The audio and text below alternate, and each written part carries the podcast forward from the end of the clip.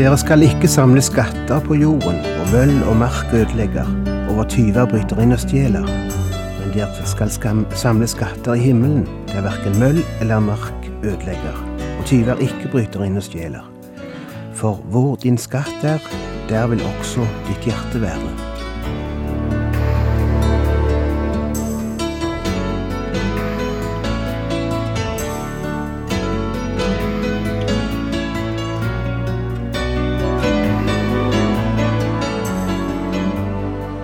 Hjertelig velkommen til et nytt program i serien Vindu mot livet. Vindu mot livet er basert på programserien Insight for Living ved Chuck Svindal. Programmet er produsert av Kristen Riksradio og blir ledet av Ola Joland.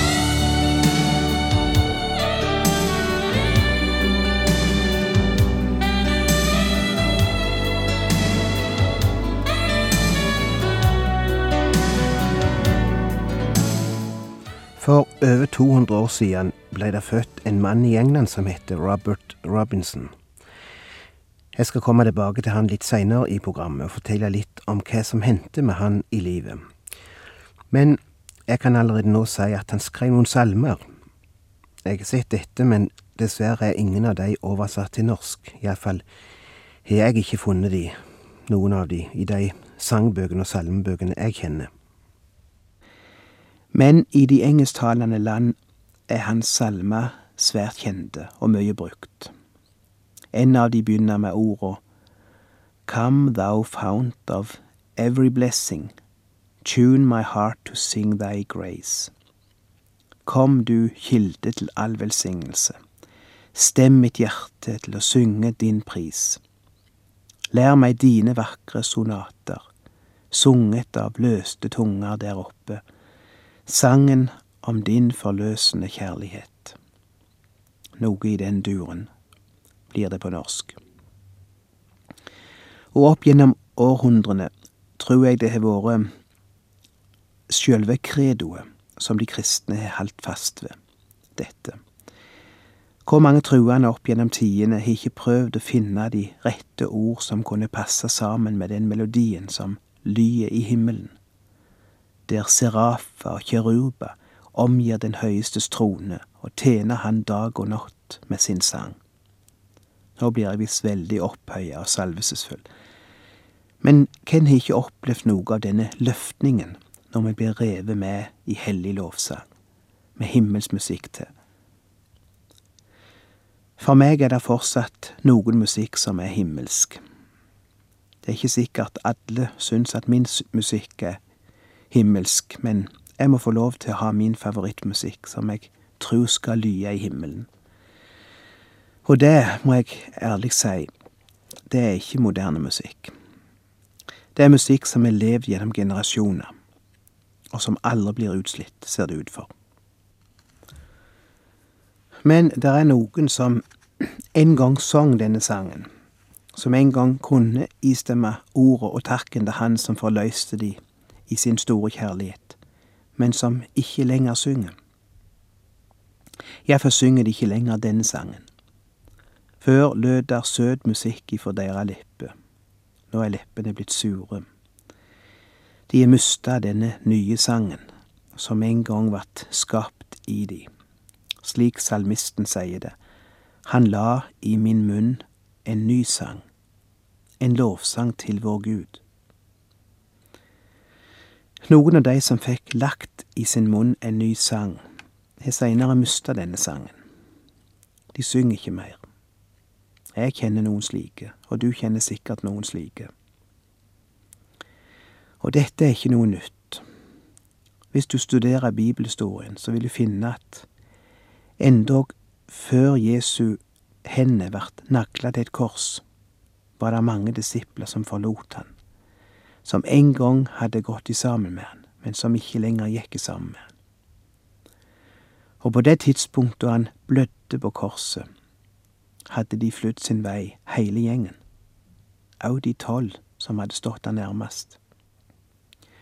Paulus kjente til dette. Han hadde en venn som ikke bare forlot han, men som hadde forlatt sin frelser, kan det se ut som. Han het Demas. Han forlot meg for han fikk denne verden kjær, sier Paulus. Det er sterke ord av en apostel som sitter alene i romersk fengsel. Demas hadde en gang sunget denne nye sangen. Kanskje de hadde gått sammen langs veien, han og Paulus, og sunget fra Salmenes bok i Det gamle som mente. Men det hadde blitt mindre og mindre av den slags sang i Demas sitt liv, og til slutt var den stilna heilt. Og ja, det er ikke bare i Det nytestamentet du finner dette fenomenet. En tjener av profeten Elisa heter Gahashi. Vart blenda av de materielle ting og glei bort ifra Gud og fanga av løgn, og enda sitt liv på en tragisk måte. Joab er et annet eksempel. Han levde i skyggen av David, en tappa kriger. Han var Davids høyre hånd, men etter hvert glei han bort ifra lojaliteten til sin herre, og begynte å krige på egen hånd. Og òg han endte sitt liv som en tragisk skikkelse. Til alle tider er det mennesker som en gang har smakt samfunnet med Gud og sunget den nye sangen, men som etter hvert glir bort og slutter å synge. Iallfall er den indre freden og gleden og tryggheten og tilliten borte. Så hvis de fremdeles synger, så er det bare med leppene. Og en av grunnene til at mennesker glir bort ifra Gud, er at de tror de kan leve deler av sitt liv skjult for Gud, i hemmelighet. Det er alltid det som er begynnelsen til slutten for en truende. Det er når en begynner å skjule ting for Gud, begynner å leve et dobbeltliv, og tror at han kan fortsette å holde ting skjult for Gud. Han glemmer faktisk at han lever sitt liv som en åpen bok for Gud. I Hebreabrevet er det et vers som er levd i skyggen av andre og mer kjente vers. Det er i Hebreerne 4, vers 12. Der står det første For Guds ord er levende og virkekraftig og skarpere enn noe tveegget sverd. Det trenger gjennom til det kløver sjel og ånd marg og ben, og dømmer hjertets tanker og planer. Det er et kjent vers, men kjenner du det som kommer etterpå? Ingen skapning er skjult for ham. Alt ligger nakent og bart for ham som vi skal stå til regnskap for. Ja, tenk om folk hadde regna med det. Du kan ikke skjule noe for Gud. Du kan ikke leve et dobbeltliv for Han sjøl om det er det mange prøver på. Og den veien er den sikreste vei til at en glir bort ifra Gud. Du kjem inn i en vond sirkel. Du vet at du hykler. Du vet at du driver skuespill. Du vet at du ikke er ærlig for Gud lenger. Og litt etter litt mister du gleda og frimodigheten som kristen. Du synger mindre og føler skam, men du klarer ikke gjøre noe med det. Gjennom heile bergpreika går det som en rød tråd, dette som er las ifra hebreabrevet, at vårt liv ligger åpent for Gud. Han ser alt. Det nytter ikke å spille skuespill for han. Det nytter ikke å forestille seg, å late som en er en annen enn en er. Det har ingen hensikt å prøve å bøte på det med å være bære fram flotte offer, for eksempel. Gud kjøper ikke slikt. Gud ser deg, og ser hvilken stilling du er i, og ser ditt liv, og ditt hjerte, og din usikkerhet, og din frykt. Han ser endog dine behov, og dine bønner. For bønner har du sikkert fremdeles. Av og til, iallfall. Og om du ikke ber så mye lenger, så har du skjulte bønner, skjult nød, som stiger opp til Gud og som han gjerne ville svare på, om du bare lot han få slippe til. Og i det avsnitt vi er kommet til i dag, går Jesus til rota på problemet. Hva som ofte gjør at mennesker kommer i en slik situasjon som jeg nå har beskrevet. Hva som fører et menneske bort ifra Gud. Hva er det? Det er skatter på jorda, som man kaller det Dere skal ikke samle skatter på jorden, hvor møll og mark ødelegger, og hvor tyver bryter inn og stjeler. Men dere skal samle skatter i himmelen, der verken møll eller mark ødelegger, og tyver ikke bryter inn og stjeler. For hvor din skatt er, der vil også ditt hjerte være.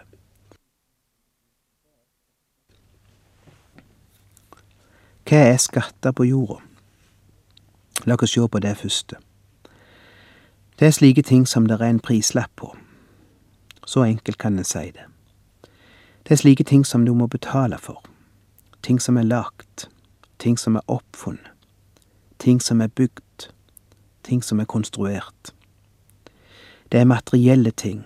Synlige ting. Det er ting som forgår. Ting som ruster. Ting som blir invadert av termitter og maur og møll og makk og rotte og myse. Det er ting som kan bli oppspist av rust, av vær, av salt, av vind, av brann, av tjue. Nå må vi være veldig nøye på å høre hva Jesus sier her, og hva han ikke sier. Han sier ikke at vi ikke skal samle på slike ting. Han sier ikke at vi ikke skal bygge oss hus, eller kjøpe klær, eller tjene penger, eller kose oss med en båt, eller hva det skulle være. Han sier ikke at vi ikke skal planlegge for framtida, eller at vi skal, ikke skal arbeide for å få det godt. Tvert om sier Bibelen noe om at vi skal gå til mauren og lære, se på når den arbeider, og lære flittighet av den. Jesus sier heller ikke at vi ikke skal kunne glede oss over ting, og nyte ting for den del. Hva var det Paulus sa i sitt første brev til Timotus, kapittel 6, vers 17? Han gir oss rikelig av alle ting for at vi skal nyte dem. Hører du det? For at vi skal nyte dem. Jeg har en liten båt på tralla i garasjen. En 14 fots Askeladden og giss om jeg nyter den, når jeg en sjelden gang får tid til å dra på sjøen. En stille og solfylt sommerdag og ligge og pilke etter torsk og lyr og lange og brosme og sei og hyse og makrell og av og til en piggkå. En nyter de timene så du aldri kan tru det. Og en nyter å ha den båten. Bare tanken på at den står der, og at jeg har muligheten til å komme meg utpå når jeg har behov for det og jeg har ikke det minste vond samvittighet for det. Det har aldri slått meg at det skulle være noe galt å nyte ting. Av og til møter jeg kristne mennesker som liksom slår hodet ned når de forteller at de har den og den hytta, og de føler liksom at de kan ikke nyte den heilt, for de skulle vel kanskje ikke hatt ei så flott hytte når de er kristne. Vel, hør hva Paulus sier. Han gir oss rikelig av alle ting for at vi skal nyte dem. Men så står det noe i setningen før det som vi òg skal ta med. Du skal innskjerpe for dem, dem som er rike i denne verden, at de ikke må være overmodige og ikke sette sitt håp til den usikre rikdom, men til Gud. Hva er det så Jesus advarer imot, og Paulus for den del? Det er ikke det å eie en båt, eller en bil, eller ei hytte for den del. Men det er når den båten begynner å eie meg, eller den bilen, eller den hytta. Ser du forskjellen? Når den tingen blir min skatt, når hjertet mitt blir dratt ifra den skatten jeg har i himmelen, til den skatten jeg har på jord, når det jeg har fått å nyte, får makt over meg og begynner å styre meg, og blir min herre og min skatt. Jeg tror ikke dette er så vanskelig å forstå. Jeg tror du og jeg vet akkurat når det vipper over her, når vi er fanget av tinga, og tinga eier oss, i plassen for at det var Gud som skulle eie oss. Når jaget etter mer og mer og mer er det som styrer oss, og driver oss, og du sitter fast i det, og du kommer deg ikke ut av det, og du mister mer og mer de gleder i Gud og freden, fordi du er fanget av tinga. Det er det Bibelen kaller mammon. Det er grådighet, lysten etter stadig mer. Luther hadde en egen evne til å si ting slik at de ble huska. Han sa en gang, Når evangeliet blir forkynt, og folk prøver å leve etter det, er det to fryktelige plager som alltid oppstår. Det ene er falske forkynnere som hindrer oss i å høre ordet. Og det andre er mista grådighet, som hindrer oss ifra å leve det. Og konsekvensen av å bli fanget av ting, bli slave under ting, blir at øyet blir mørkt, som Jesus sier her. Du begynner å se dårligere. Du begynner å skjelne dårligere. Du begynner å miste dømmekraften. Når det gjelder de verdier du før så så klart. Du begynner å rote på den ene og den andre måten. Og når øya blir sjukt, blir heile legemet mørkt, sier Jesus. Forstår du det ordet? Bare prøv å lukke øynene for ei lita stund, så skal du kjenne hva det betyr. Lukk øynene, hvis du ikke sitter i bilen, da. Og du skal oppleve akkurat det Jesus sier. Heile legemet blir mørkt, ikke sant? Alt blir liksom mørkt. Det er øyet som gir legemet lyst. Lys. Er ditt øye friskt, blir hele ditt legeme lyst. Men er ditt øye sykt, blir hele legemet mørkt. Om nå lyset i deg er mørke, hvor dypt blir det ikke mørke? Ingen kan tjene to herrer. Han vil enten hate den ene og elske den andre, eller holde seg til den ene og forakte den andre. Dere kan ikke tjene både Gud og mammon. Ja, det er noen mennesker der ute som trenger å høre det ordet i dag. Du kan ikke tjene Gud og mammon. Du kan ikke være lojal mot to herrer. Du kan ikke ha Gud samtidig som du er dreven av ei annen makt. Du kan ikke eie Han samtidig som du vet med deg sjøl at du lever ditt eget liv og velger dine egne veier, og lar deg styre av lysten til ting og til nytelse og til synd. Du kan ikke velge Gud samtidig som du velger ting som du vet er imot det Han har sagt. Det er mange mennesker som prøver akkurat det, men de forskrever seg. De havner i ingenmannsland. De mister faktisk både gleden i Gud og gleden i tinga. Og det blir mørkt i de. Sangen stilna. Det er ingen god situasjon å være i, det skal jeg si deg, for det har jeg prøvd. Jeg har prøvd det, og jeg vil aldri tilbake dit igjen. Den engelske baptistpresten hadde også prøvd det, han som jeg nevnte innledningsvis, Robert Robinson. Han mista sin far da han var ganske ung, og mora sendte han da til London for at han skulle gå i barberlære. Der kom han i kontakt med den store predikanten George Whitefield, og han ble omvendt. Han begynte å studere teologi. Da han var 25 år gammel, ble han prest i ei baptistkirke i Cambridge, og blei en meget populær forkynner. Men etter ei stund kom han opp i en situasjon som var veldig vanskelig. En fristelse som han ikke klarte å stå imot. Og han gjorde flere feile valg, og begynte å gli bort ifra Gud.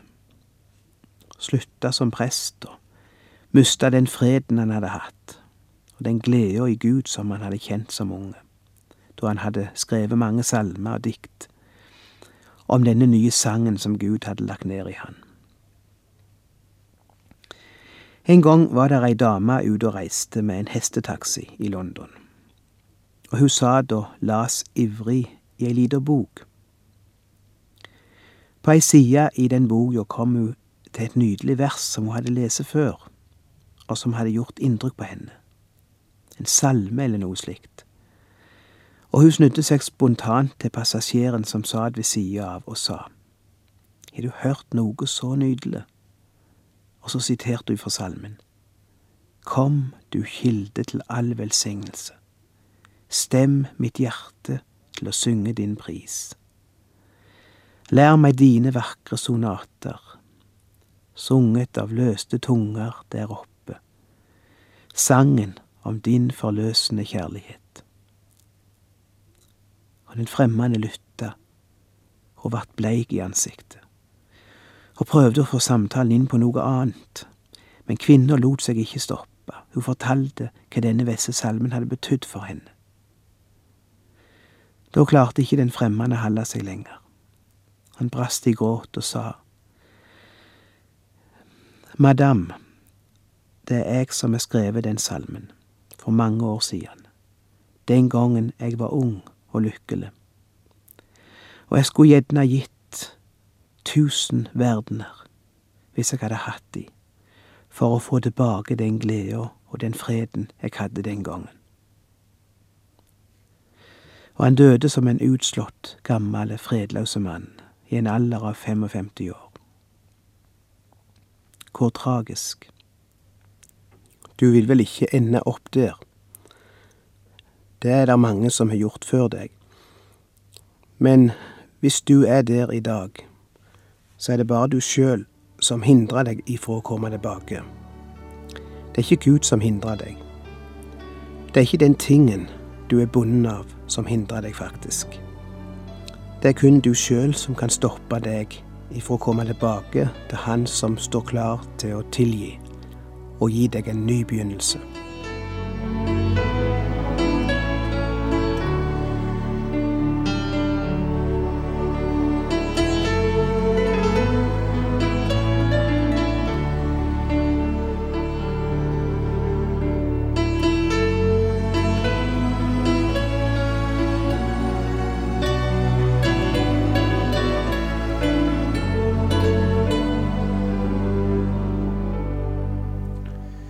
Du har lytta til Ola Bjoland i serien 'Vindu mot livet' fra Kristen Riksradios arkiv.